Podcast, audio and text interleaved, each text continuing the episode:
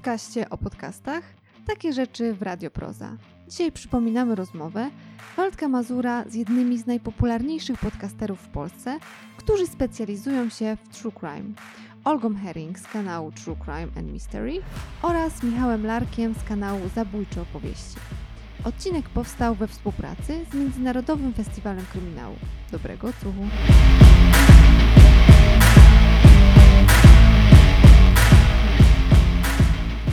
Dzień dobry. E, Tak, e, Ewa już zapowiedziała, mm, Michał Larek z kanału Zabójcze Opowieści, z podcastu Zabójcze Opowieści, e, ale także Michał Larek przede wszystkim pisarz. pisarz. Mówię przede wszystkim, ponieważ e, to pisarstwo, pisanie tych, e, pisanie tych historii, spisywanie, opowiadanie e, w formie literackiej było wcześniej. Literaturoznawca, bo jeszcze wcześniej e, była kariera naukowa e, na Uniwersytecie Adama e, Mickiewicza w Poznaniu i Olga Herring. e, Tutaj chyba można powiedzieć, że przede wszystkim podcasterka, przynajmniej jeżeli chodzi o tą taką publiczną działalność, ale też o to podpytamy dzisiaj, mam nadzieję, w trakcie spotkania, e, co było wcześniej, e, co było przed podcastem Olga Herring Podcast po prostu. Można myślę, że w tym momencie naszych gości przywitać tutaj brawami.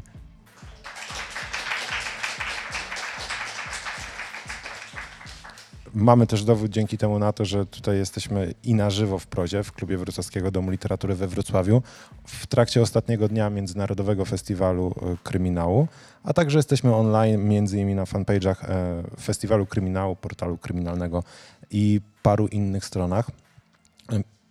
Na początek chciałem powiedzieć o tym, że o tym, czym w ogóle są podcasty, bo tutaj do tej pory spotykamy się przede wszystkim z e, twórcami, twórczyniami e, literatury. E, można się zastanawiać, czy podcasty, te formy e, internetowe, jak bardzo, jak blisko im jest e, do literatury. Tutaj mamy specjalistę, który tworzy i książki, i tworzy podcasty. Będzie mógł powiedzieć, mam nadzieję, na ten temat, jak daleko podcastom do tych historii, które powstają na potrzeby książek. Tak, żeby e, dopełnić formalności, powiem, że podcasty ogólnie to są tworem bardzo, bardzo młodym, jeżeli chodzi o twórczość internetową. Szacuje się, że pierwsze podcasty to jest początek lat 2000, okolice 2001 roku. W Polsce, i to znowu można się e, zastanawiać, czy aby na pewno to są informacje prawdziwe, ponieważ nikt tego nigdzie nie może tak e, gruntownie udowodnić, ale szacuje się, że rok 2005 to jest ten rok, kiedy pierwsze podcasty zaczęły powstawać, a przynajmniej osoby je tworzące oficjalnie mówiły o tym, że są to podcasty. Nie były to jeszcze podcasty z cyklu True Crime. Gdybyśmy spojrzeli na te pierwsze podcasty pierwszych podcasterów z 2005-2006 roku, to oni jeszcze zajmowali się innymi sprawami. Często były to tylko takie podcasty, gdzie mówiono po prostu o życiu, mówiono o polityce, o gospodarce, o nowinkach technologicznych. Podcasty z cyklu z serii True Crime, podcasty kryminalne, tak naprawdę w tej chwili e, przeżywają jakieś niesamowite pik, tak to sobie nazwijmy takim e, językiem powiedzmy internetowym, e, pik popularności, pik także jeżeli chodzi o liczbę twórców, twórczyń, który, którzy tego gatunku się podejmują. Jedna z najpopularniejszych platform, jeżeli chodzi o podcasty na świecie, to jest strona e, brytyjskiego BBC. E, Tam mamy niesamowitą liczbę świetnych podcastów i sobie wczoraj specjalnie na potrzeby tego spotkania zerknąłem i na, tylko na stronie BBC, tylko tych podcastów sygnowanych logiem BBC z, kategorii True Crime jest 42. E, A zdajmy sobie sprawę, że tych podcastów w Wielkiej Brytanii jest oczywiście dużo więcej i większość z nich to nie są właśnie podcasty BBC, są podcasty amerykańskie, bo Wielka Brytania i Stany Zjednoczone to jest e, ta potęga i są podcasty w innych krajach, między innymi w Polsce.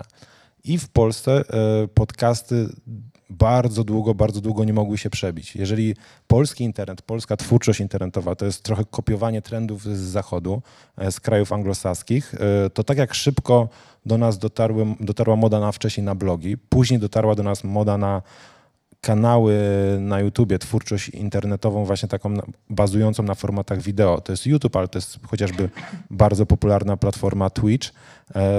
To tutaj mo- możemy powiedzieć tak, e, z rocznym poślizgiem, ale za zachodem gdzieś podążaliśmy. W przypadku podcastów to szło dużo, dużo wolniej. Wydawało się w ogóle, wiele osób, które medioznawców komentowało, że po prostu podcasty to nie jest format, który w Polsce może się przyjąć. To nie jest podcast, do którego my jesteśmy jakoś, powiedzmy, nauczeni, przyzwyczajeni.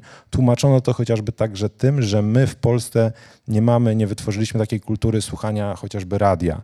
I tłumaczono, że w krajach anglosaskich to radio jest ważne, radio cały czas funkcjonowało.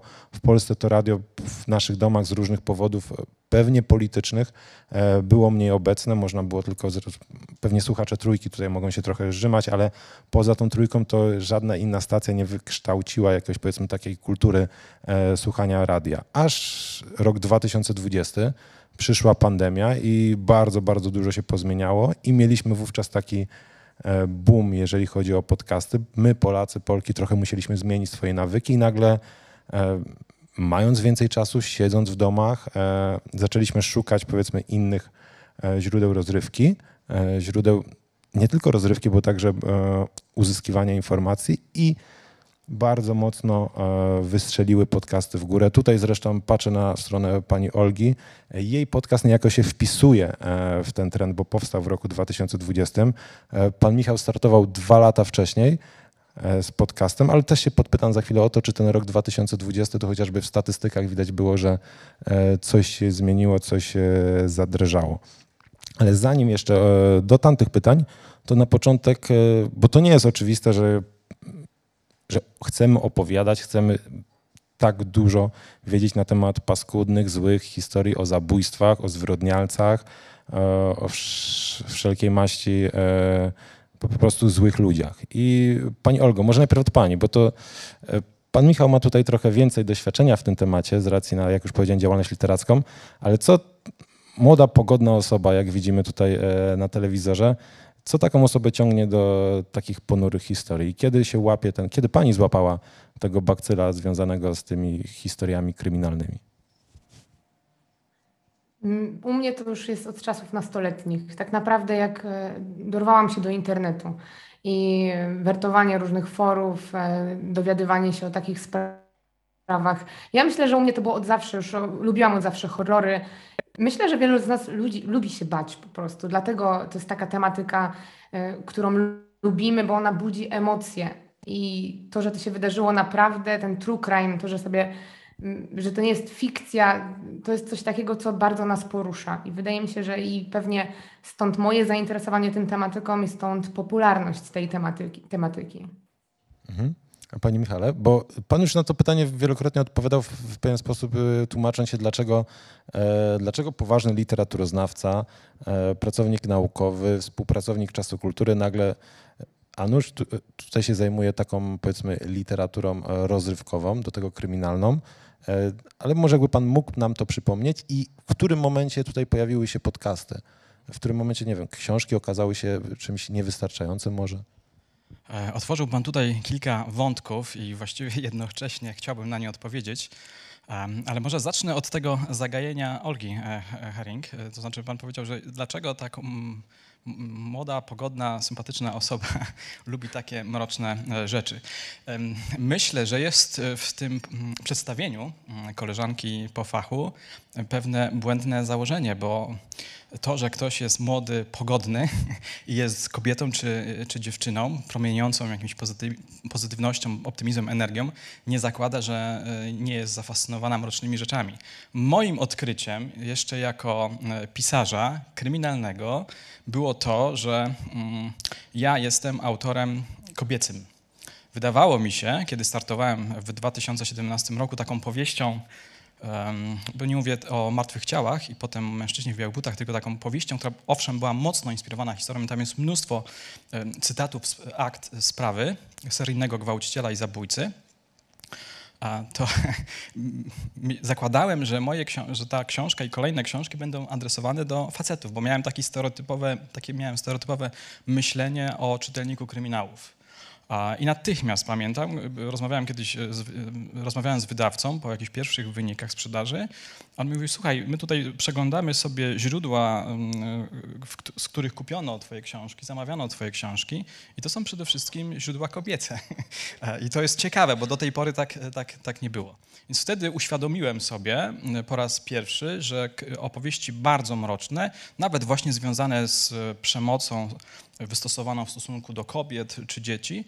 To jest taki materiał, y, który bardzo chętnie kupują, czytają, o którym słuchają kobiety. Potem regularnie, niemalże codziennie już jako podcaster dostawałem informacje, wiadomości, informacje, komentarze, wiadomości prywatne, nieprywatne od kobiet, które mi opowiadały, że Panie Michale albo Michał, Michale, teraz prasuję i oglądam jakiś, czy tam słucham jakiegoś podcastu, wspaniale, bo idę z dzieckiem E, wieczorem na spacer i będę teraz słuchała kolejnego podcastu, a ten podcast dotyczył na przykład, nie wiem, jakiejś historii związanej z przemocą, z zabójstwami e, kobiet. Więc jeszcze jedna taka bardzo wymowna e, scenka. Kiedyś poszliśmy z kolegami, trukrajmowcami, Marcinem Myszką, Filipem Czerwińskim z kanału Mafia, Mafia.pl z Piotrkiem Szatkowskim na warsztaty z, już nie pamiętam co to było, Opus Moderandi, Moderandi opus, modus operandi, nie opus, modus operandi e, zabójców. Spóźniliśmy się, wchodzimy na salę, patrzymy, a tam są same młode e, dziewczyny.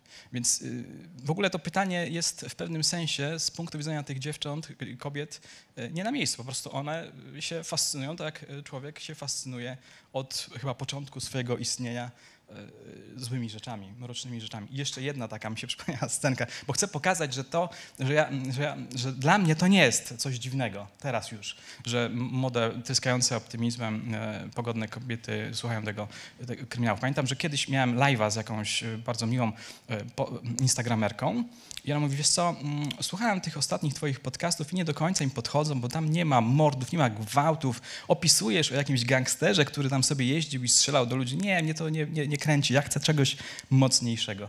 I zauważmy, że te najnowsze, to już przeskakuję na sekundę do powieści, najnowsze e, kryminały, co prawda nie jestem tak mocno na bieżąco, bo jestem skupiony na innych rzeczach, bardziej właśnie dokumentalnych, ale najnowsze kryminały są bardzo intensywne, jeśli chodzi o grzebanie w traumach. Zazwyczaj mamy dzisiaj, zazwyczaj, zazwyczaj mamy kryminały, które y, zaczynają się gdzieś w latach 90. albo jeszcze, jeszcze wcześniej. Ktoś doznaje jakiejś krzywdy, przez kilkadziesiąt lat w nim się to wzbiera, ta wściekłość, nienawiść, potem jest jakiś wybuch i mamy do czynienia z morderstwem. Wydaje mi się, że dzisiaj żyjemy w takich, takiej epoce bardzo, bardzo romantycznej, która jest uzależniona wręcz od dawkowania sobie niezwykle spektakularnych i niezwykle e, gęstych emocji, a to, że powtórzę, y, lubią to też kobiety, to nie jest już nic y, chyba dziwnego. Zawsze tak było.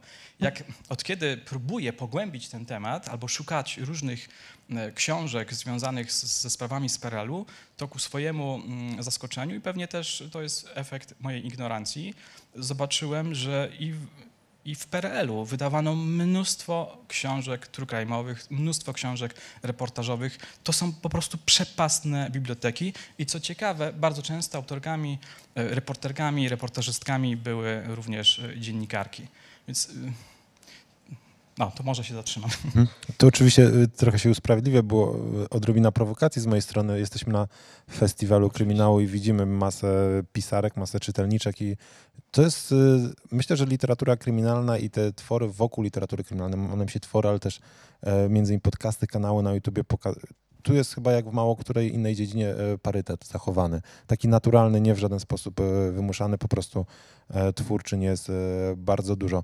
Pani Olgo, ale jak już, skoro tutaj pan Michał wspomniał o tych swoich czytelniczkach, o statystykach związanych z działalnością literacką, pani pewnie na bieżąco śledzi statystyki swojego kanału, swojego podcastu i czy on też wskazuje na to, że kobiety przeważają, jeżeli chodzi o odbiorców podcastu Olgi Herring?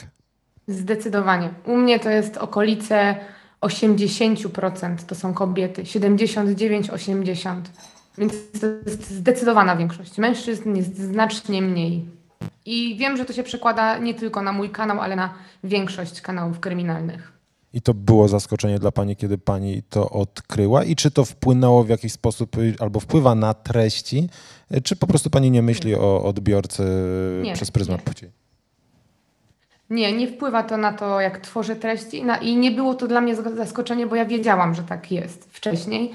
Wiem, że mężczyźni bardziej preferują te takie krótsze formy, czyli kanały y, takie 20-minutowe, faktycznie to te takie y, bardziej skondensowane historie. To tam jest faktycznie udział mężczyzn większy, ale wciąż kobiety dominują.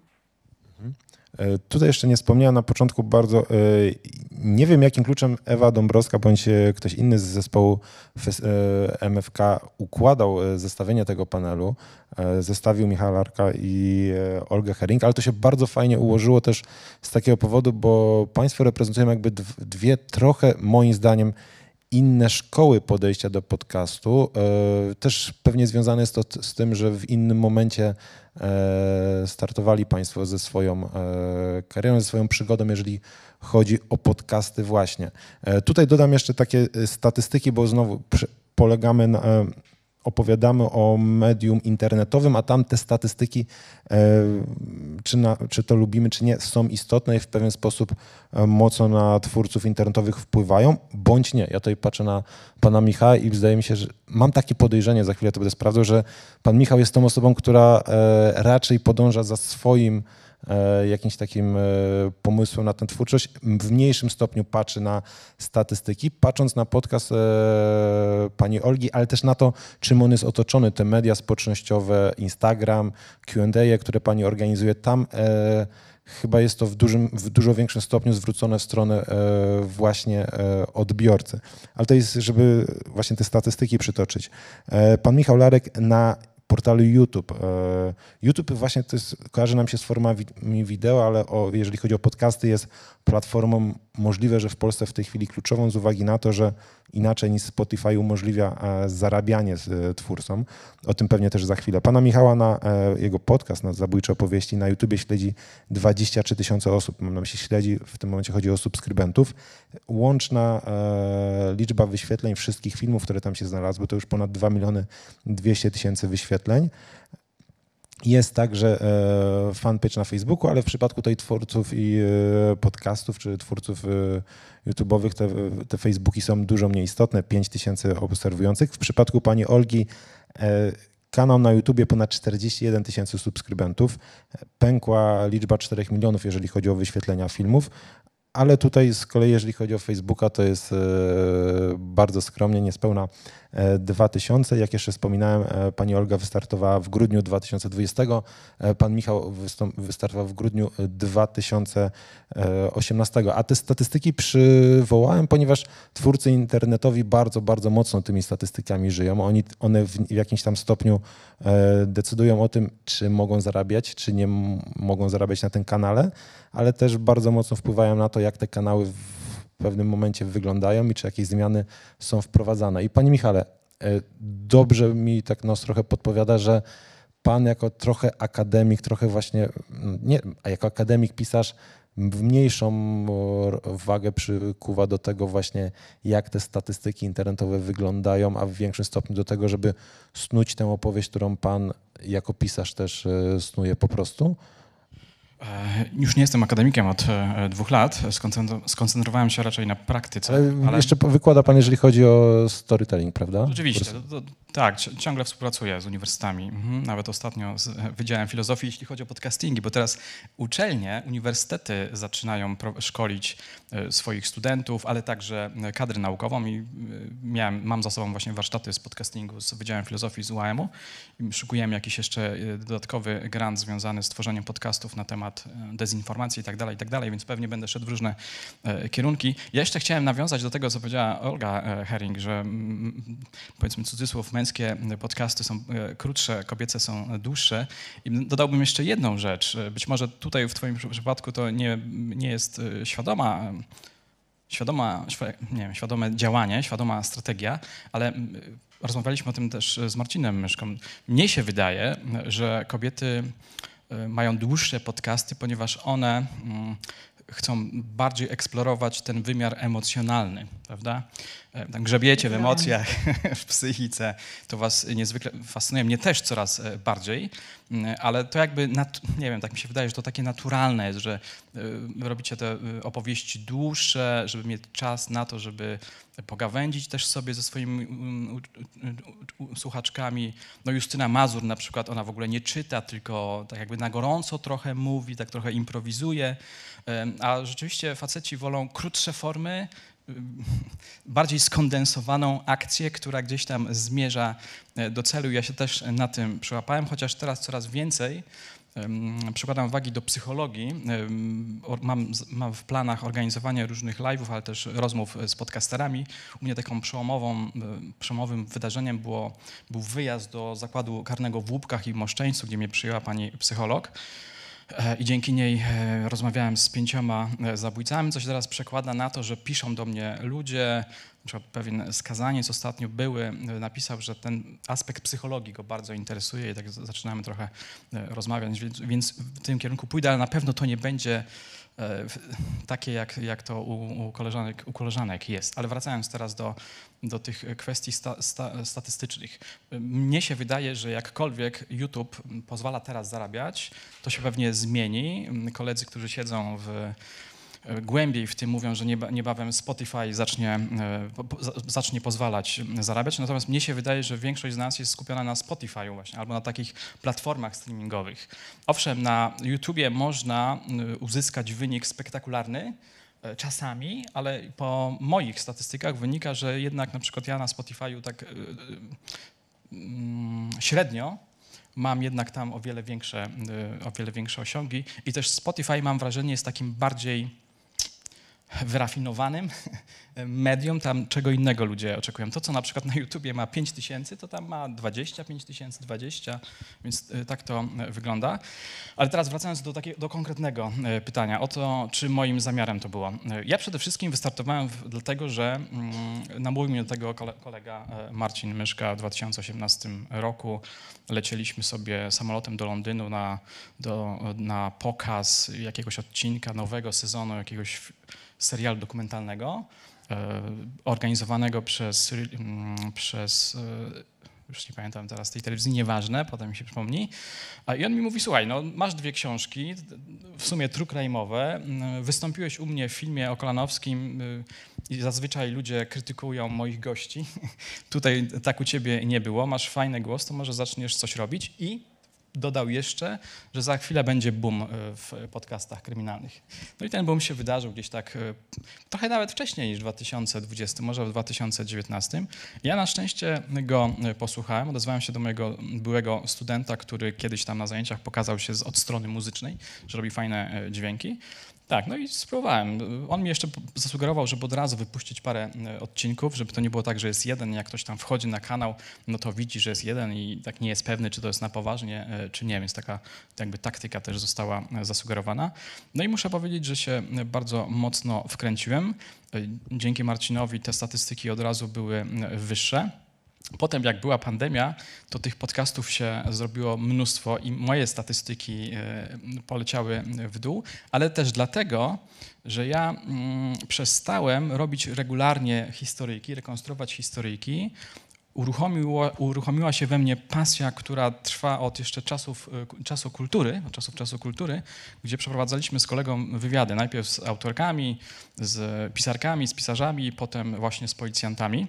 Parę, parę się zdarzyło i stwierdziłem, że ja chcę się odróżnić od e, reszty true którzy po prostu rekonstruują historię. Już tam nie wchodzę w to, na czym polega ten research, czy to są tylko strony internetowe, czy parę książek, czy też e, wnikają w, w akta.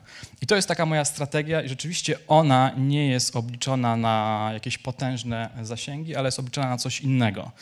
No, więc tak to teraz wygląda, że ja poszedłem w stronę dokumentalną. Na, dla mnie najbardziej interesujące jest to, żeby dotrzeć do świadków, czasami jak się uda dotrzeć do akt e, sprawy. Ale ja też uprawiam coś w rodzaju oral history, czyli takiej historii gadanej, którą e, dokumentujemy. Ja najbardziej z całej tej roboty pisarskiej, podcasterskiej uwielbiam ten moment, kiedy mam nagrane spotkanie z jakimś świadkiem, z jakimś ekspertem, ale szczególnie z jakimś świadkiem. No ostatnio też z, ze skazańcami z artykułu 148. To też jest niezwykle ciekawe, trochę stresujące, mroczne, ale to też jest bardzo interesujące.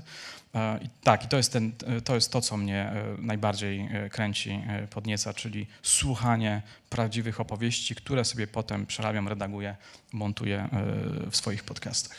Mhm. Pani Olgo, a u Pani jaki był początek? Dlaczego Pani wzięła się za podcasty i jaką wagę mają tutaj statystyki? Jak bardzo E, statystyki Spotify'a, statystyki YouTube'a wpływają na to, jaki ostatecznie kształt przybiera Pani podcast?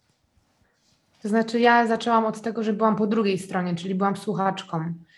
Po prostu sama dużo słuchałam podcastów i w pewnym momencie, ja właśnie trafiłam w taki moment, gdzie mm, była już jakaś grupa tych podcastów i, i, I, pojawił się taki zastój. Ja, ja, trafiłam na moment, w którym ja nie miałam sama czego słuchać. I to było też taka odpowiedź poniekąd na moją bolączkę, czyli że ja już nie mam czego słuchać.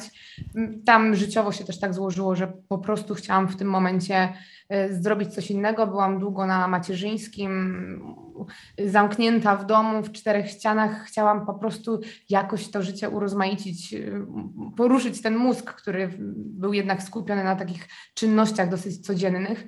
E, więc w ten sposób wylądowałam. To był przypadek, zupełny przypadek. Tak naprawdę to, że poszłam tym kierunkiem, mm, sprawiło odzew, bardzo pozytywny odzew, to, że ludzie chcieli mnie słuchać, że to grono bardzo szybko y, się zrobiło dosyć spore słuchaczy, którzy czekali na kolejny odcinek, więc to naturalnie przeszło. To nie był jakiś taki mój zamiar, że ja sobie postanowiłam pewnego dnia, że zostanę podcasterką i zacznę to robić. To miało być hobby, które y, i tutaj nawiążę od razu odpowiedzią do drugiego pytania, które przerodziło się w moim przypadku w pracę.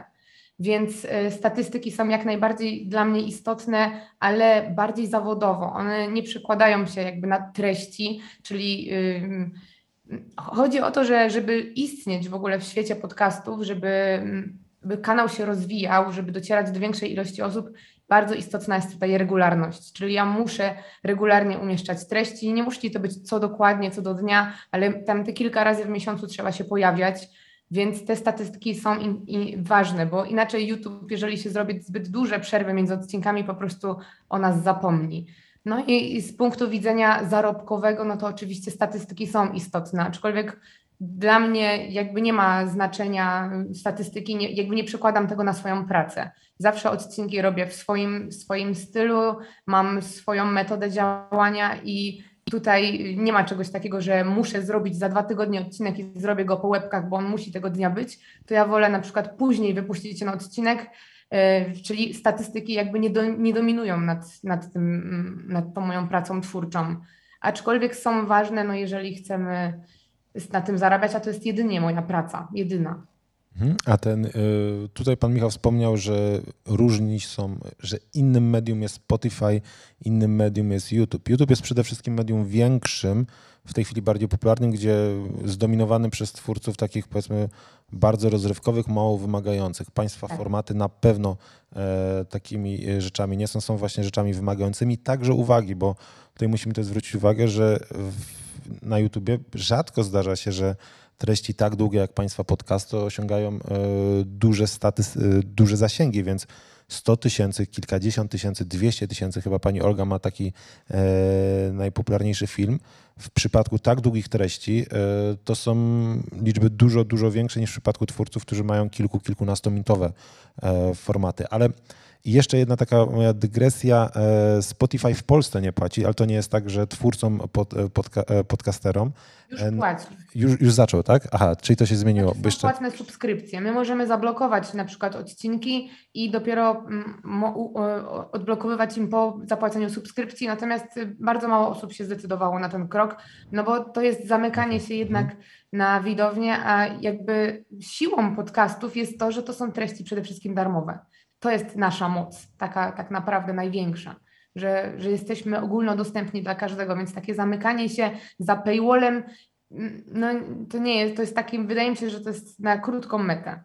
Mhm. A YouTube y, ma ten system monetyzacji, takie, tak. nie wiem, popularne teraz słowo, nie wiem czy brzydkie, wiele osób gdzieś tam trochę uważa je za brzydkie, ale w przypadku e, twórców internetowych chyba jednak takie e, słowo klucz. Ty, ty, tych systemów monetyzacji jest dużo więcej i jak pani dostrzega różnicę pomiędzy odbiorcą e, swoich podcastów na YouTubie a na Spotify'u? Czy widać tę różnicę? To znaczy, różnica jest zasadnicza taka, że na Spotify'u my nie mamy odpowiedzi, bo tam nie ma komentarzy. Na YouTubie jednak powstają dyskusje, tam są, e, każdy słuchacz, widz może się wypowiedzieć, więc to jest zupełnie inna widownia, tylko że to może być właśnie przez to mylne nasze wrażenie, bo my nie mamy odpowiedzi na Spotify'u, ja tylko mogę spojrzeć na liczby. Natomiast na YouTubie możemy porozmawiać z tymi słuchaczami, są bardzo ciekawe, merytoryczne rozmowy, jest też dużo niezbyt przyjemnych sytuacji, więc ciężko to opisać przez to właśnie, że, że na Spotify'u nie ma tego kontaktu ze słuchaczem. Tam mamy taką e, puste liczby, natomiast y, ja na przykład mam tylko taki, y, taką mogę różnicę dostrzec, że ja mam na kanale różne formy materiałów, bo mam e, ze świata e, historie kryminalne i polskie. Różne kolory rybek różne kolory rybek. I ta czerwona rybka, czyli to polskie sprawy kryminalne, to na YouTubie wiodą prym absolutny i to jest ogromna przebitka, dwukrotna tak naprawdę, jeśli chodzi o wyświetlenia między tymi sprawami zagranicznymi. Natomiast na Spotify'u te różnice są niewielkie.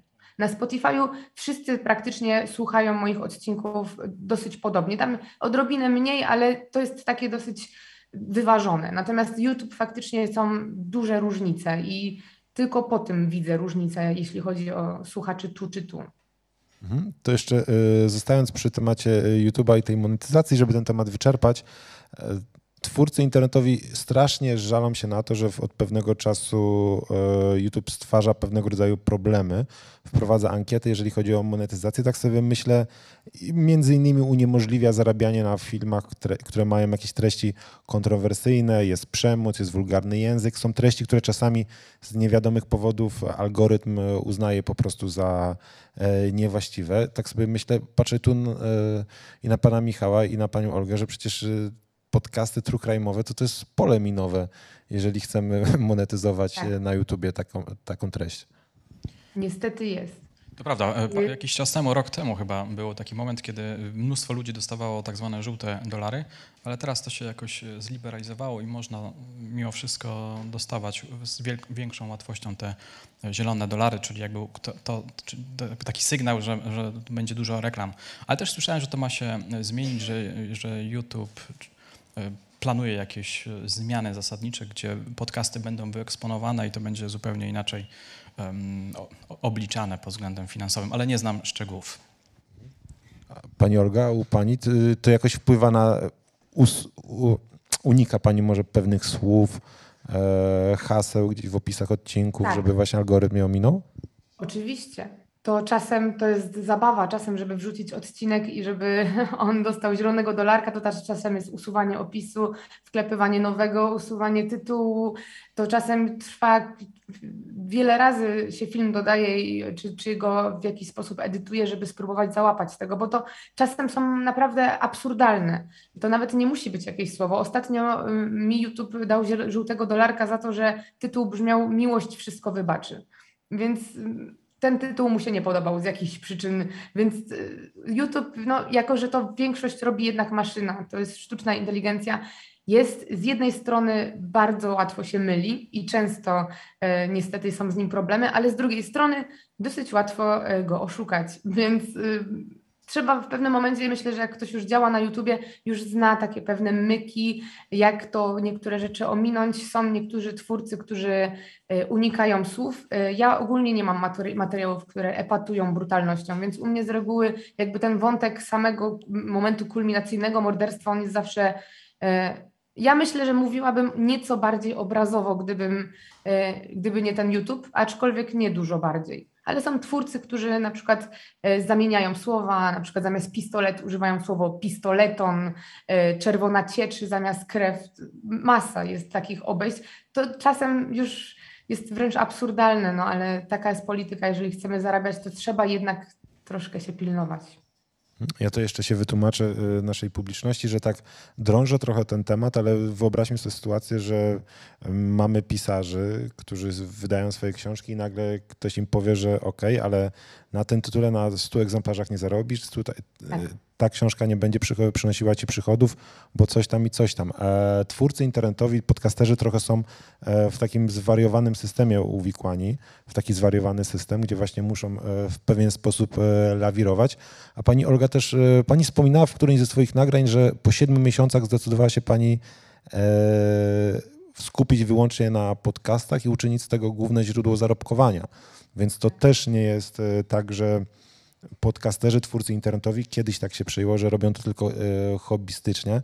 E, już teraz widzimy tutaj panią Olgę i taki mikrofon pewnie kosztuje jakąś kwotę, raczej większą niż mniejszą. Czas, który trzeba poświęcić. My, to, my tego, tych odcinków słuchamy przez godzinę, ale właśnie, jak wygląda gromadzenie informacji, jak wygląda praca nad takim odcinkiem? My chcemy tych odcinków co, co, jak najczęściej. Zresztą pani Olga wspomniała o tym, że zaczęła tworzyć podcasty, bo jej tych e, podcastów po, prostu brakowało. E, państwo wrzucają tak, e, pani Olga trochę częściej, parę razy w miesiącu. Pan Michał przy dobrych miesiącach tak zauważyłem, że to są dwa odcinki na miesiąc. To tak ostatni rok mniej więcej. Jak wygląda proces pracy nad jednym odcinkiem? Może pan Michał zacznie.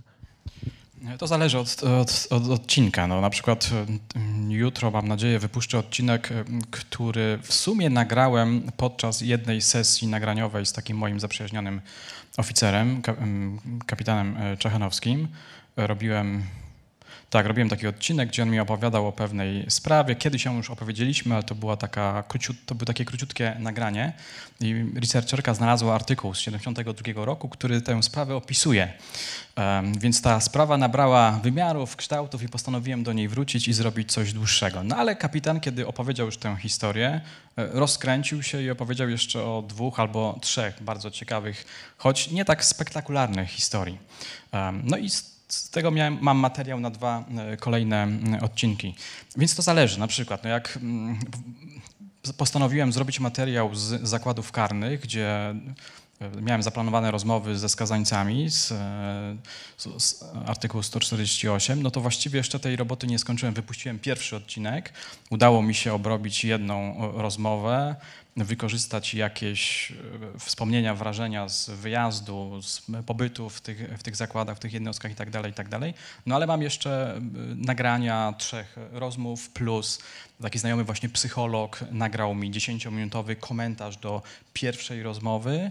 Mm, tutaj cały czas zbieram informacje, no więc to tak e, różnie. No, czasami ja sam robię taką historię, w której nie mam żadnych rozmów, nie mam żadnych, nie wiem, wypowiedzi ekspertów. Czasami jest to po prostu rekonstrukcja jakiejś historii, która mnie z jakiegoś powodu in, in, zainteresowała. Więc czasami robota trwa tydzień, czasami e, dwa dni, e, czasami ona się tak przedłuża, jest, pracuje się na raty przez jakiś miesiąc, e, dwa miesiące. To jest bardzo, bardzo różne. Natomiast wrócę jeszcze do tej regularności.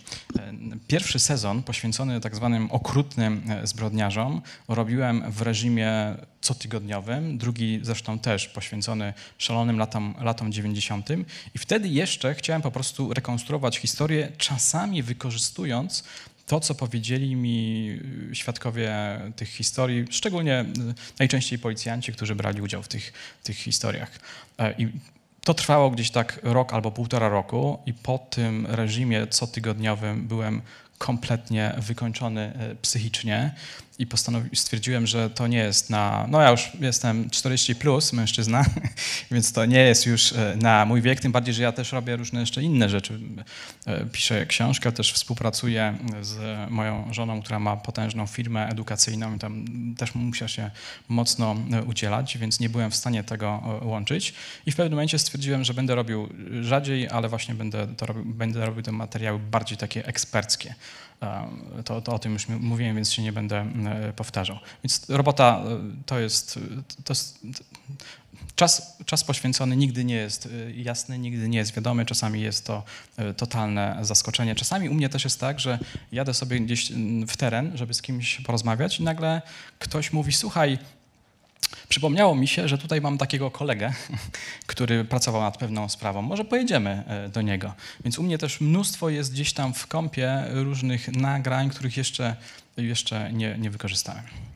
A zbieranie materiałów do odcinka podcastu bardzo różni się od zbierania materiałów do książek, które też, jak pan sam stwierdził, e, często są true crime'owe, które są, e, nawet jeżeli nie, nie opierają się na opierają się właśnie na faktach. Nawet jeżeli są fikcją, to są fikcją mocno inspirowaną. Ten warsztat, e, taki ten reporterski w, w przypadku historii kryminalnych jest taki sam, czy jednak są tu jakieś ewidentne różnice? To ciekawe pytanie. Y, zazwyczaj na wszystkie pytania, które słyszę, znam już odpowiedzi, bo je przerabiałem wielokrotnie, ale na to, y, na to chyba jeszcze nie odpowiadałem. Mam wrażenie, że nie ma jakiejś większej różnicy. Różnica jest zasadnicza w obróbce. Um, to, to jest jasne, ale no, t, t, tak musiałbym odpowiedzieć. No też zupełnie inaczej pisze się podcast, a zupełnie inaczej pisze się powieść, bo kiedy piszemy podcast, posługujemy się językiem prostszym, um, jesteśmy mniej wrażliwi na to, że na przykład jakaś metafora jest taka średnia. E, chodzi nam o to, żeby te metafory były proste, żeby zapadały w pamięć, mm, żeby czytelnik cały czas był bodźcowany odpowiednio, takie mocne hasła, takie czasami nawet grafomańskie, one się sprzedają, y, sprzedają w, w, opowieści gadanej, y, głosowej, natomiast w opowieści już takiej bardziej wyrafinowanej pod względem językowym, czyli literackiej, y, literackiej to już nie jest mile, mile widziane. Więc pamiętam, że czasami jak e, przerabiam jak, jak, jakiś podcast na opowiadanko albo na fragment powieści, no to potem muszę dość mocno przysiąść, żeby ten język dość e, wyraziście, wyraziście zmienić.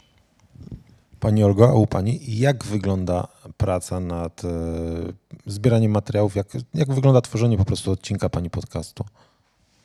E, zaczynam najpierw od wymyślenia sprawy, bo to też nie jest nawet takie proste, bo ja mam tak, że nie potrafię o wszystkim opowiedzieć. Musi mnie sprawa poruszyć, muszę ją poczuć. To nie jest tak, że wsiądę do jakiegokolwiek artykułu i dobra, no to robię tą sprawę, to musi być wena na dany temat. E, w następnej kolejności numer jeden dla mnie to jest research i to już jest e, bardzo rozciągnięte w czasie, bo y, no ja staram się działać głównie na źródłach ogólnodostępnych. To wynika z wielu kwestii, z, z wielu z doświadczenia już, y, jakie, jakie nabyłam w trakcie y, pracy nad podcastem. E, aczkolwiek no, czasem to się przeciąga, bo są na przykład jak chcę jakiś dokument e, zdobyć e, z archiwum te telewizyjnego, no to trzeba wysłać jakieś podanie, poczekać, oni muszą odpowiedzieć, wysłać potem na CD, to czasem trwa, więc w zależności od tego, jaką sprawę y, robię, ale są też takie sprawy, gdzie praktycznie jest bardzo dużo materiałów i to też y, jest problem, bo jest ogrom tych informacji. Niektóre sprawy, do niektórych odcinków mam ponad 80 źródeł na przykład, więc to, to jest takie grzebanie, szukanie. Często się te źródła trochę wykluczają. Jeden, w jednym jest tak napisane, w drugim tak. Nawet między książkami reporterskimi są różnice. O danej jednej sprawie są, są detale. Więc I co pani wtedy robi? Jeżeli trafia Pani na dwa, powiedzmy, równorzędne e, źródła, równorzędne, jeżeli chodzi o dwie tak. książki reporterskie przykładowo, albo dwa artykuły. Tak. I tu w jednym mówią zabił, nie zabił. W sensie bardzo, znaczy, tak sobie potrafię... Z reguły różnic. To są zazwyczaj detale, czyli ostatnio robiłam sprawę, gdzie w jednym reportażu było, że pan przewoził lodówkę, w drugim pralkę. No to są niby detale, aczkolwiek no człowiek jest, zgłupieje po prostu w takim momencie. Z reguły albo w jakiś sposób wartościowuję sobie te źródła, które uważam za na przykład bardziej wartościowe, że na przykład jeżeli wiem, że dany artykuł był na podstawie pisany akt sprawy, no to jakby bardziej jemu ufam, albo jeżeli na przykład, nie wiem, w jakiś, no też gazety też mniej więcej wiem, które jest bardziej brukowcem, a, którą poważniejszą mm, reporterską pracą, no to w ten sposób sprawdzam. Ale jest dużo różnic często i to też jest taki problem w tym researchu, że trzeba się pogłówkować, jak to ugryźć. E, ja lubię tak się skupiać na detalach, więc to czasem jest męczące. Natomiast taki research u mnie to trwa tak około od tygodnia do dwóch. Nagranie godzinnego odcinka to jest około 10 godzin w moim przypadku. Motem jeszcze montaż oczywiście, cała reszta. ale research, research to jest przede wszystkim naj, największy czas, który poświęcam, znaleźć jak najwięcej informacji na dany temat. I czasem to się wiąże z grzebaniem. Y, archiwa, niestety gazet są wyszukiwarki są fatalnie skonstruowane, to jest czasem dosłownie y, grzebanie po datach konkretnych, że gdzieś tam w artykule sprawdzam, kiedy był proces, szukam po danych datach, kiedy y, mogły się pojawić na przykład artykuły na ten temat. To jest żmudna robota. Czyli jak dobrze rozumiem, więcej niż dwa odcinki w miesiącu to jest y, w przypadku pracy jednoosobowej niewykonalne.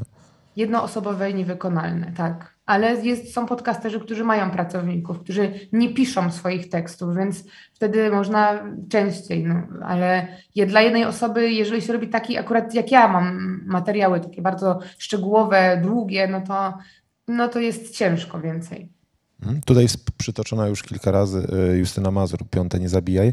Ona w rozmowie z Karolem Paciorkiem, też na podcaście Imponderabilia, powiedziała, że po prostu pracuje razem z siostrą i czasami te teksty y, pisze jej siostra. Siostra pewnie wykonuje też e, pracę researcherki, ale to byśmy musieli już e, autorkę zapytać. A chciałem się zapytać e, o to, jak wygląda sytuacja, kiedy trafiają Państwo na temat. Temat jest świetny. Wydaje się, że to jest temat,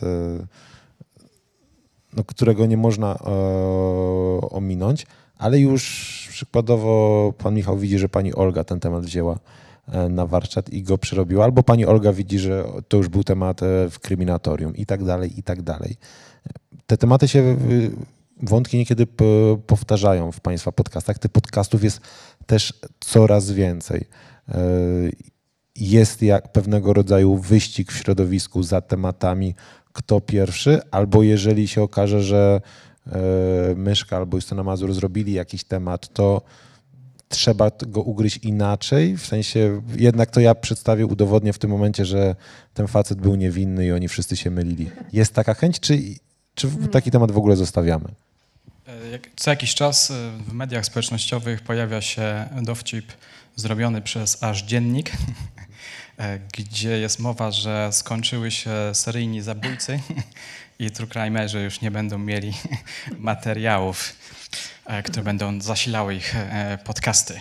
E, no jeśli chodzi o mnie, no to właśnie ta zmiana, która powoli zachodzi w moim jakby profilu podcasterskim, polega na tym, znaczy sprawia, że gdyby na przykład ktoś zrobił podcast na temat jakiejś sprawy, to ja bym ruszył do tej sprawy, gdybym znalazł źródła nieogólnodostępne.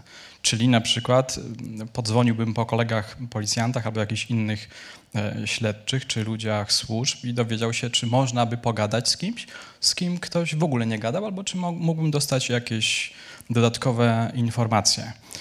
Ja planuję jeszcze takie zwyczajne e, historie, które będę sobie rekonstruował. Mam, mam zamiar wrócić do pewnych brytyjskich spraw, ale wracając do tego, e, to, to wtedy bym to zrobił. Zazwyczaj tak jest, że ktoś tam robi jakąś sprawę, ale właśnie po, ogranicza się tylko do tego, co można wyczytać w książkach czy na stronach internetowych. Tak jak na przykład, nie wiem, e, kwestia Leszka Pękalskiego. Chcę wrócić jeszcze do, do tej sprawy. No ja mam kolegę, który brał udział w wizji lokalnej już teraz nawet nie tylko tego jednego kolegę. Mam ludzi, którzy, znam ludzi, którzy, będę z nimi rozmawiał, którzy właśnie brali chociażby w pierwszej, brali udział w wizji lokalnej w, a, już teraz nie pamiętam, w której to miejscowości, gdzieś tam niedaleko, niedaleko Wałcza. Mam na przykład y, taką mój trener personalny z siłowni powiedział mi jakiś czas temu, że, mm, że, że, mieszka, że mieszkał w okolicach Bytowa czyli tam, gdzie e, mieszkał, e, gdzie mieszkał Leszek Pękalski i mówił, że jego dom, czy tam dom jego rodziców e, teraz i wtedy graniczył z, z PGR-em, gdzie pracował Pękalski. I nawet dzwoniłem do tej mamy jego, żeby zapytać, czy udzieliłaby mi, y, roz, udzieliła mi głosu, czy pogadalibyśmy. Tylko wtedy y, musiałem wrócić do książki, którą robię. Kończę już teraz dla wydawnictwa Znak, więc zrezygnowałem póki co, czy zawiesiłem. Ale na przykład o Pękalskim będę miał trochę jeszcze informacji. Albo na przykład taka znajoma, która jest dziennikarką, odezwała się do mnie, muszę znowu też nawiązać y, kontakt, mówiąc, że któregoś razu mieszkała w Koninie, któregoś razu usłyszała pukanie do drzwi wszedł pewien mężczyzna, nie będę teraz kontynuował, ale ona po latach zorientowała się, że to był Grzegorz Trynkiewicz. I Grzegorz Trynkiewicz próbował się do niej, do niej dostać. Jesteśmy mówieni wstępnie na rozmowę. Co więcej, na przykład ta osoba zna y, bardzo dobrze sprawę Bielaja i powiedziała mi, że może mnie oprowadzić y, po miejscach związanych z Bielajem. Odezwała się też do mnie pani, która powiedziała, muszę to sprawdzić. Zapomniałem o tym, teraz na skutek tego pytania dowiedziałem się, że jakaś tam znajoma widziała samochód podobny do tego, który miał Bielaj, jak ten samochód zatrzymał się na jakimś mostku i ten Bielaj coś wyrzucił z tego mostku e, do, do rzeki. Więc jak Olga mówiła o tym, że ona musi, że ona, że ona się zabiera za sprawę taką, którą jakoś poczuje, no to ja się zabieram zazwyczaj za sprawę taką, w ramach której coś powiem e, nowego, wyciągnę jakąś nową informację. Ja w ogóle, kiedy tak sobie myślę o sobie jako podcasterze, jestem typem poszukiwacza. Ja uwielbiam wygrzebywać historie, które są opisane słabo albo w ogóle nie są opisane. Teraz na przykład w tamtym tygodniu wypuściłem taki podcast, właśnie wspominałem o nim. Porucznik Czechanowski jedzie dokoła i proszę sobie wyobrazić, że po publikacji tego podcastu rozmawiałem zupełnie przypadkowo z osobą, którą doskonale znam, ale nigdy nie rozmawiałem z nią na ten temat. I ona mi dopowiedziała szczegóły na temat tej sprawy, gdzie to miało miejsce, że jego brat jechał tamtędy i słyszał informacje o zabójstwie, pokazał mi miejsce, w którym kiedyś był bar, gdzie, gdzie pił alkohol sprawca ze swoją ofiarą, teraz jest tam bank i tak dalej, i tak dalej. Opowiedział mi trochę o losach tego, a potem przy okazji y, przedstawił jakąś inną, jeszcze mroczniejszą sprawę, nieco, nieco późniejszą. Więc u mnie tak to wygląda, że w pewnym sensie od jakiegoś półtora roku albo od dwóch lat prawdę mówiąc, sprawy do mnie e, przychodzą. Dostaję mnóstwo maili, różne telefony. Mm, w czasie rozmów właśnie z policjantami kolejnymi dostaję jakieś informacje. I ta droga ułatwia mi decyzję, o czym będę robił, bo zazwyczaj już jest tak, że jak przychodzi do mnie jakaś sprawa, to będę wiedział coś więcej o tej sprawie niż ludzie, którzy bazują tylko i wyłącznie na internecie czy na, na, na książkach. Hmm? Dodajmy jeszcze, że jedzie dookoła, to mamy na myśli miejscowość pod Poznaniem. Tak jest. E, a nie, i jazdę w kółko. E, pani, e, pani Olgo... A... Ale to jeszcze dopowiem jedną rzecz. Przepraszam. E, w kółko. Mm, czasami pojawiają się zarzuty, że na przykład wracam parę razy do e, sprawy. To są zarzuty dość, bym powiedział, e, słabe, jest, są dwa rodzaje e, twórców. Jeden twórca jest taki, mówi się to o pisarzach, ale ja to przekładam na, także na podcasting. Są pisarze, są podcasterzy, którzy e, regularnie tworzą nowe sprawy, znaczy nowe, nowe opowieści o czymś nowym. Ale są też pisarze, którzy cały czas drążą tak naprawdę jeden e, temat. No nie będę wymieniał nazwisk wybitnych pisarzy, ale takich możemy tutaj sobie podać, bo chodzi oczywiście też o zachowanie pewnych proporcji. Ja uwielbiam wgryzać się w jedną sprawę i grzebać w niej długo, nawet 10 lat, tak jak w przypadku Kolanowskiego, bo zawsze wyciągnie się coś e, nowego. Mój, wydaje mi się, temperament to jest temperament poszukiwacza i kogoś, kto cały czas dogrzebuje się e, nowych rzeczy. Mnie w ogóle fakty podniecają nie samo opowiadanie historii, tylko słuchanie historii, a potem wyciąganie z tych opowieści rozmaitych, które czasami się wykluczają, nawet niekiedy bardzo gwałtownie, interesuje mnie wyciąganie faktów albo, albo po prostu opowieści, które czasami można zakwestionować. Na przykład z tym Czechanowskim. Pamiętam, kiedyś y, byłem w zakładzie medycyny sądowej u doktora Stochaja. Nieco wcześniej właśnie ten kapitan Czechanowski opowiedział mi o, bardzo barwnie, bardzo sugestywnie, e, opowiadając też różne anegdotki, jak to kiedyś pojechał na e, trupa kobiety, zwłoki kobiety, które znaleziono gdzieś w rzece. Takie różne właśnie anegdotki opowiada i mówił, że następnego dnia na rozkaz swojego naczelnika musiał pojechać do ZMS-ów, do Zakładu Medycyny Sądowej w Poznaniu na sekcję zwłok. No bo taki był e, wymóg, że dochodzeniowiec musiał być na sekcji zwłok. No i tam anegdotka taka się pojawiła, że te zwłoki z międzychodu były transportowane samochodem z usług pogrzebowych. Ci faceci zażyczyli sobie y, litr denaturatu, mówili, bo to była wtedy pogoda taka dość mocna, ciepła, była, była wiosna i oni twierdzili, że ten denaturat będzie im potrzebny do tego, żeby polewać zwłoki. Żeby one za bardzo nie, żeby nie wiem, za szybko nie zgniły, albo żeby nie był zapach taki, taki nieprzyjemny.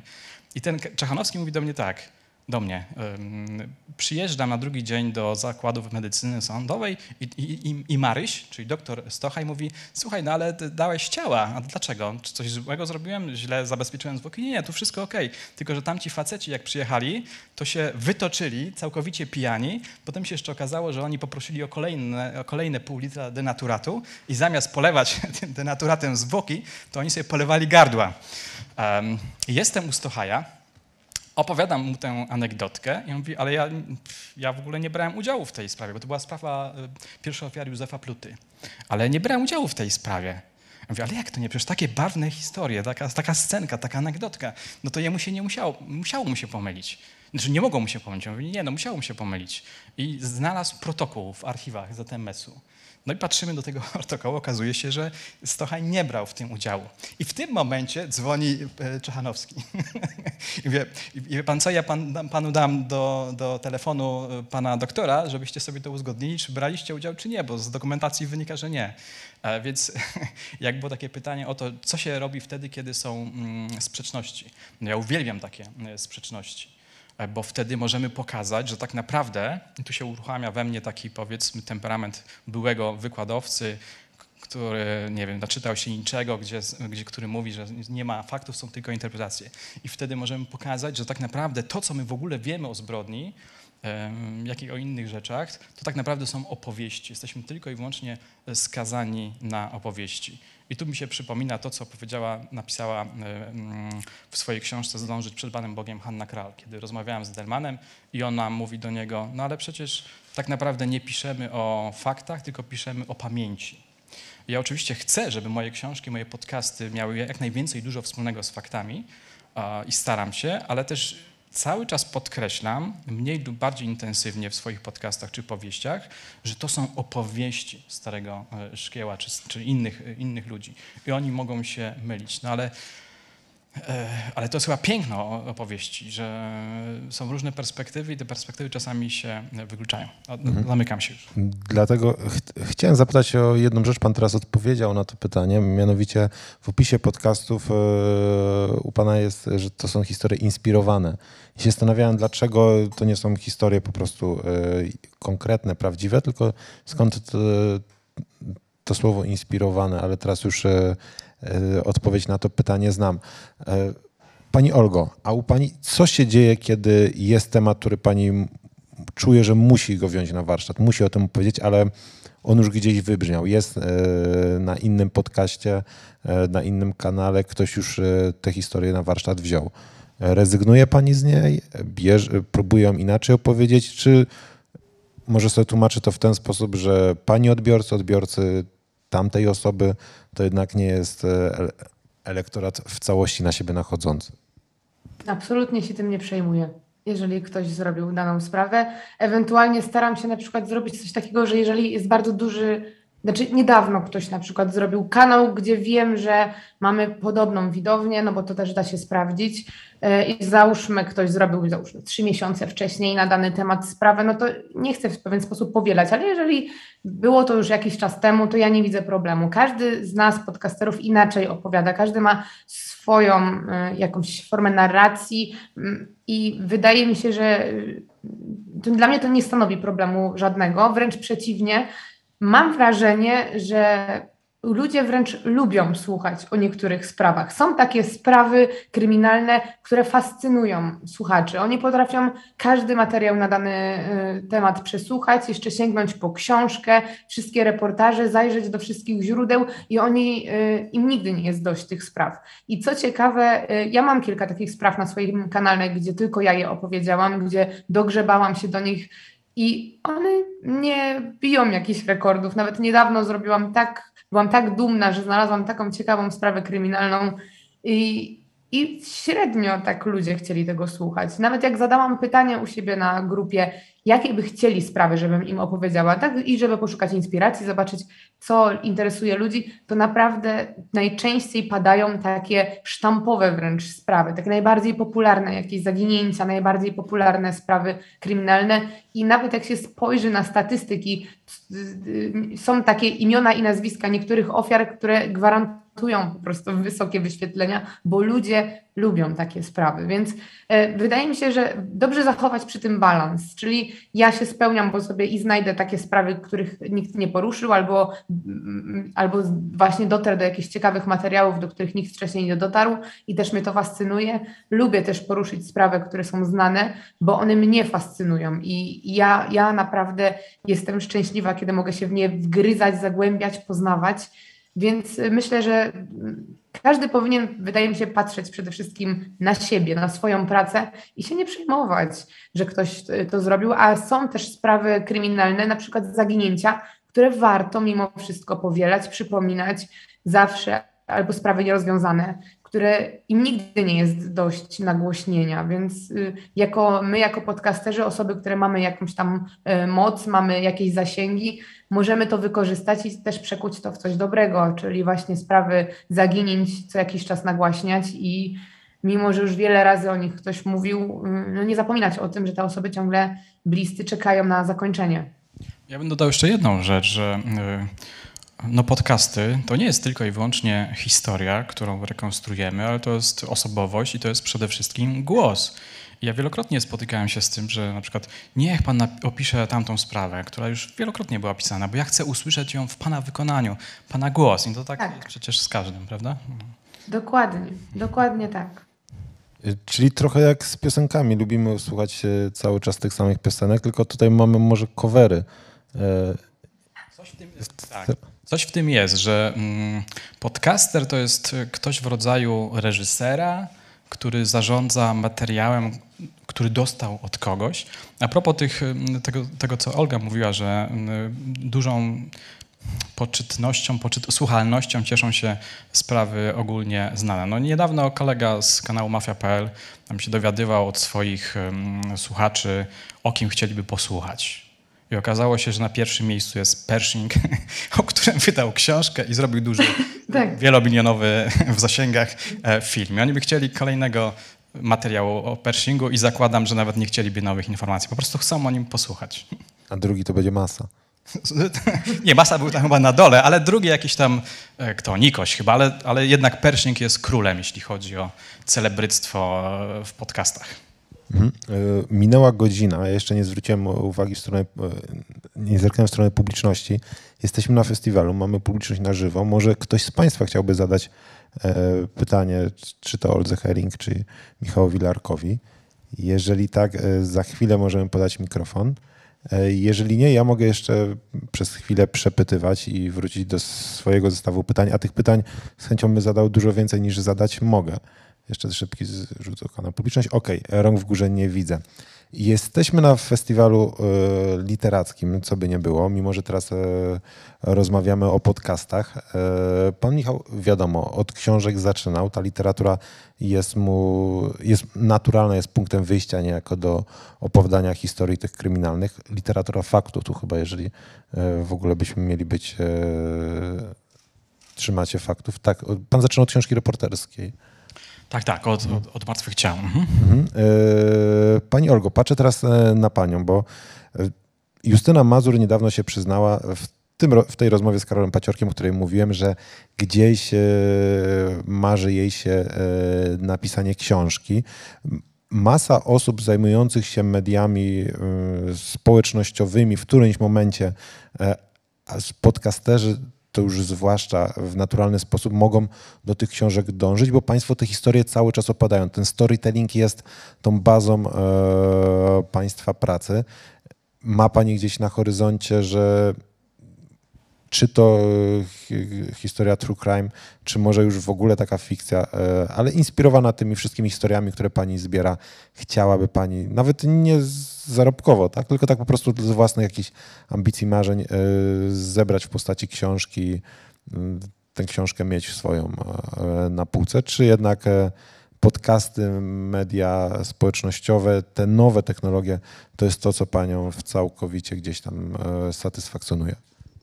To znaczy, y, myślę, że byłoby to na pewno ciekawe doświadczenie. Ja zresztą nie ukrywam, że już dostałam taką propozycję już jakiś czas temu. Na razie z niej nie skorzystałam. E, z tego względu, że mam dużo pracy przy podcaście na chwilę obecną i po prostu bym zwyczajnie w świecie chyba nie znalazła czasu, żeby się skupić na, na książce. Natomiast e, myślałam o tym, myślałam o tym, żeby zająć się właśnie taką może bardziej takim reportażem, samej zgłębić się w, w pewne sprawy. Mam mam jakieś pewne pomysły. Natomiast zwyczajnie w świecie nie mam na chwilę obecną na to czasu, e, a jako, że byłoby to dla mnie coś nowego, czego musiałabym się dopiero uczyć, bo nigdy książki nie pisałam, to, to na razie zostawiam to na jakąś przyszłość e, dalszą. Natomiast wiem, że dużo podcasterów, e, mamy kilku podcasterów, którzy faktycznie napisali książkę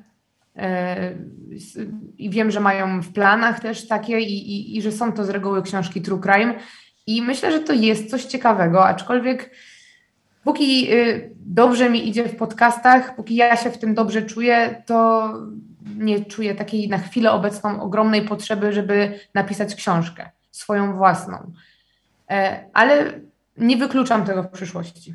Mhm. A te tradycyjne, starsze media innego rodzaju, bo e, to też jest ciekawe. Jakiś czas temu jeszcze e, z pogardą twórcy telewizyjni, twórcy radiowi patrzyli na twórców e, internetowych.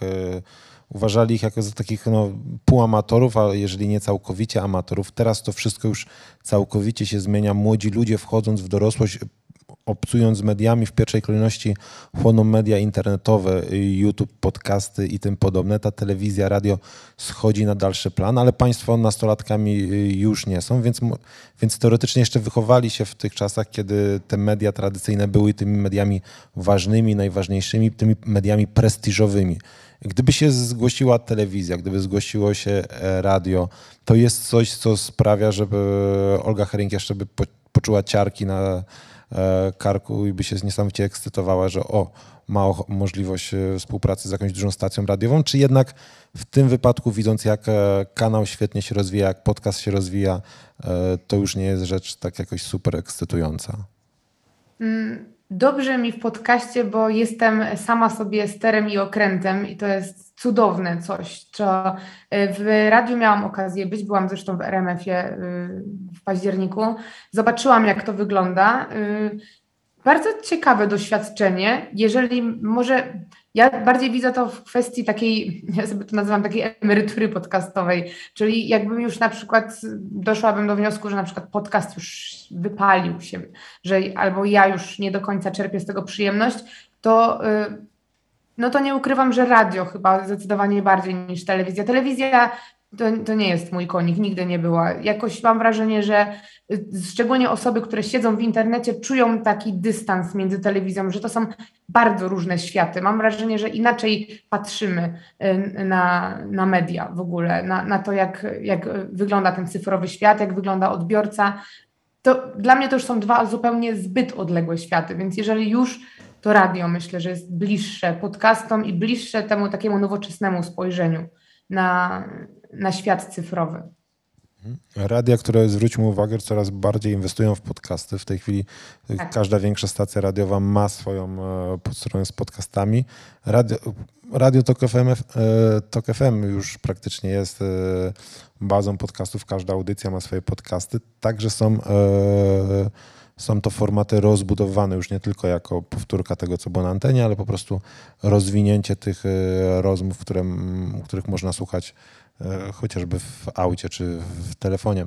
E, panie Michale, u Pana jak wygląda ta sytuacja związana z literaturą i podcastami? Jak bardzo pisarstwo ucierpiało na rzecz podcastów i jak wygląda uzupełnianie się tych dwóch, tych dwóch płaszczyzn? E, nie wiem, czy ucierpiało e, pisarstwo. No właśnie, może, może są fajne przerwy dzięki temu. Mam wrażenie, że, mm, znaczy, może nie wrażenie, ja e, staram się stworzyć uniwersum kryminalne, korzystając z rozmaitych mediów. I tak naprawdę mam wrażenie, że robię coś, co Jenkins opisał w takiej książce kiedyś bardzo ważnej dla ludzi zajmujących się mediami, także naukowo, w konwergencji mediów, opowiadając o opowieści transmedialnej. To robił na różnych przykładach. Pokazywał Matrix, który przecież nie ogranicza się tylko do filmu, ale Matrix to jest e, wielka, wielkie uniwersum, e, z którego składa się gra komputerowa, na którą składa się gra komputerowa, fora, na których widzowie tworzą jakieś spekulacje, e, filmy itd., tak itd. Tak no u mnie to się bardzo mocno zazębia. Przykład. Na początku startowałem razem z przyjacielem, prawnikiem, mecenasem Waldemarem Ciszakiem, pisząc pierwszą wersję Martwych e, Ciał. Kiedy zostałem e, podcasterem i zacząłem opowiadać o tej historii, mm, zaczęły, zaczęły się zgłaszać do mnie różne osoby, w tym ludzie związani jakoś z tą historią. E, Martwe Ciała pierwsze zostały wydane jeszcze w self-publishingu, Mm, więc ten nakład był mały i się szybko wyczerpał. W trakcie rozmowy z jednym z mm, policjantów, on dowiedziałem się, że zna gościa, który pracował w komendzie miejskiej i on nadzorował e, tę sprawę właśnie z ramienia tamtej komendy, no i zatrzymał też samego Kolonowskiego. A martwe ciała zostały napisane z perspektywy głównie Jerzego Jakubowskiego, czyli dochodzeniowca z Komendy Wojewódzkiej w Poznaniu, która tak naprawdę dostała w podarunku Kolanowskiego do dalszych obróbek.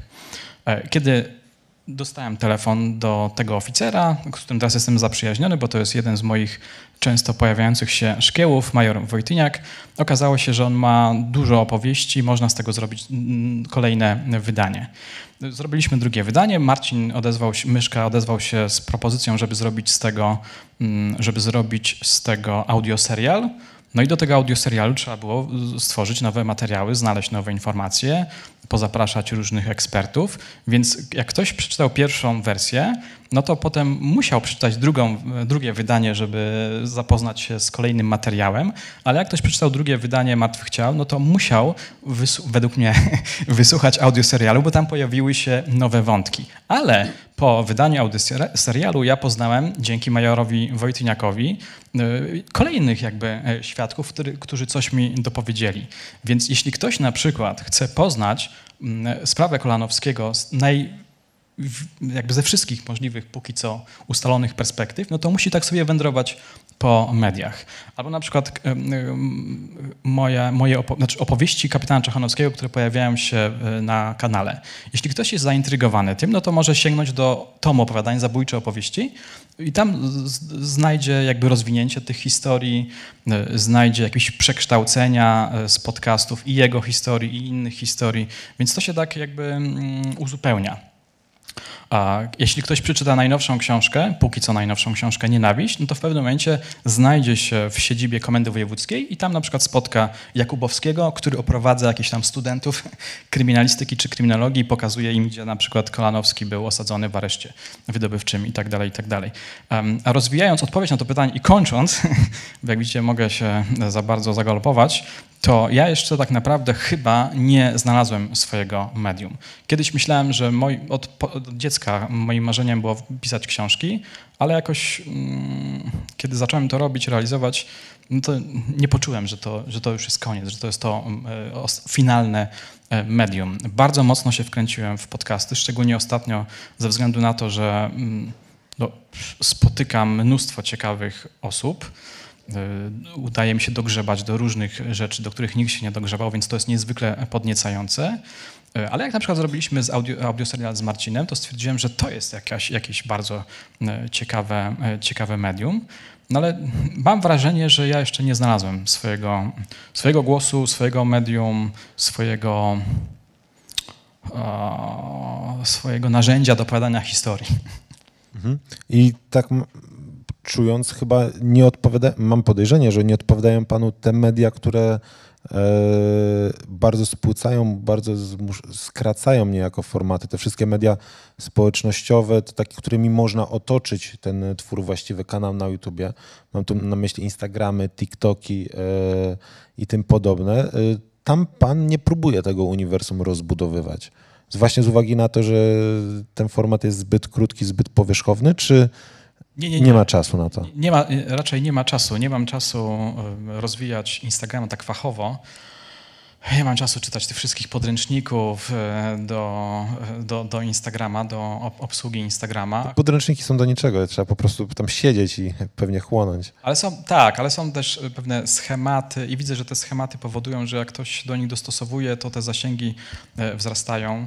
Mam konto na Instagramie, nawet zrobiłem parę filmików, ale nie mam czasu i też nie mam e, pomysłu na tego Instagrama. Ja myślę, że ja będę powoli mm, jednak montował ekipę, która będzie mi pozwalała e, działać na różnych e, mediach. Na razie znajduję sobie osoby, które mi przepisują podcasty albo coś tam robią, jakieś researche i tak dalej, i tak dalej, ale tutaj niezbędne będzie już nie, bę- niezbędne będzie stworzenie drużyny. Wtedy może tak, może tam wejdę. To jest trend, który wytyczają youtuberzy w Polsce, ekipy, teamy i tak dalej, i tak dalej. Myślę, że to też czeka podcasterów. Pani Olgo, i na koniec, jak wygląda u Pani to tworzenie takiego uniwersum Olgi Herring, tych opowieści? E, Które media, którymi Pani jest otoczona, sprawiają Pani frajdę? Które jeszcze chciały Pani rozwijać? Co Pani uważa, że jest dobrym dodatkiem do podcastu. E, Mi bardzo przypadło do gustu przykładowo pani konto na Instagramie i to, jak pani je prowadzi. E, I to mam na myśli tej interakcję pani z odbiorcami, te Q&A.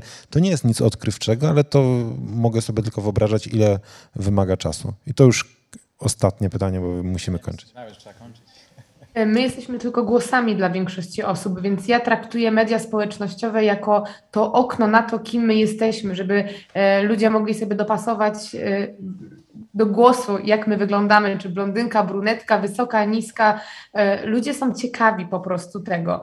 I, więc ja to traktuję jako właśnie takie miejsce, gdzie my się możemy poznać ze słuchaczem, gdzie oni mogą zobaczyć, jak moje życie trochę od kuchni wygląda, jak, e, że poza podcastem żyję w normalny sposób, ale to jest też ważne zawodowo, bo e, to e, zdradzając takie e, od kuchni, jak wygląda zarabianie w, na podcaście, wielu reklamodawców pyta o statystyki z Instagrama. Jakby to jest też element naszej pracy, więc budowanie społeczności w social mediach, głównie na Instagramie. Instagram to jest na chwilę obecną takie medium numer jeden. Już Facebook czy TikToki to, to nie jest, nie są tak istotne jak Instagram. I one się liczą też przy no, chociażby wycenie na przykład mm, reklamy, czy, czy to jest coś, co warto, jeżeli ktoś i wchodzi w ten świat, to warto budować to, to miejsce. No i każdy sobie na swój sposób y, do tego podchodzi. Są podcasterzy, gdzie wykorzystują Instagram jako miejsce, gdzie na przykład wrzucają e, zdjęcia związane ze sprawą omawianą. Dużo jest takich osób. A ja sobie wybrałam to właśnie jako takie miejsce, gdzie słuchacz może poznać mnie, kim jestem bardziej prywatnie, może poza, kiedy nie, nie siedzę przy mikrofonie. Olga Herring Podcast, e, Michał Larek, Zabójcze opowieści. My dzisiaj nie mieliśmy okazji się przekonać, czy Olga Herring jest wysoka, czy niska. Może przy kolejnych edycjach e, Festiwalu Kryminału. Ja Państwu bardzo dziękuję za tę rozmowę. Dzięki. E, Moglibyśmy rozmawiać jeszcze chwilę, ale jak już widzimy, jesteśmy na festiwalu, jeszcze po nas jest kolejne wydarzenie i ja zachęcam Państwa do, ogląda do zaglądania na i Spotify'a e, Olgi Herring i Michała Larka i kanał na YouTubie. Niesamowite historie, historie wciągające. E, bardzo polecam i dziękuję za dzisiaj. Dziękuję. Dziękujemy.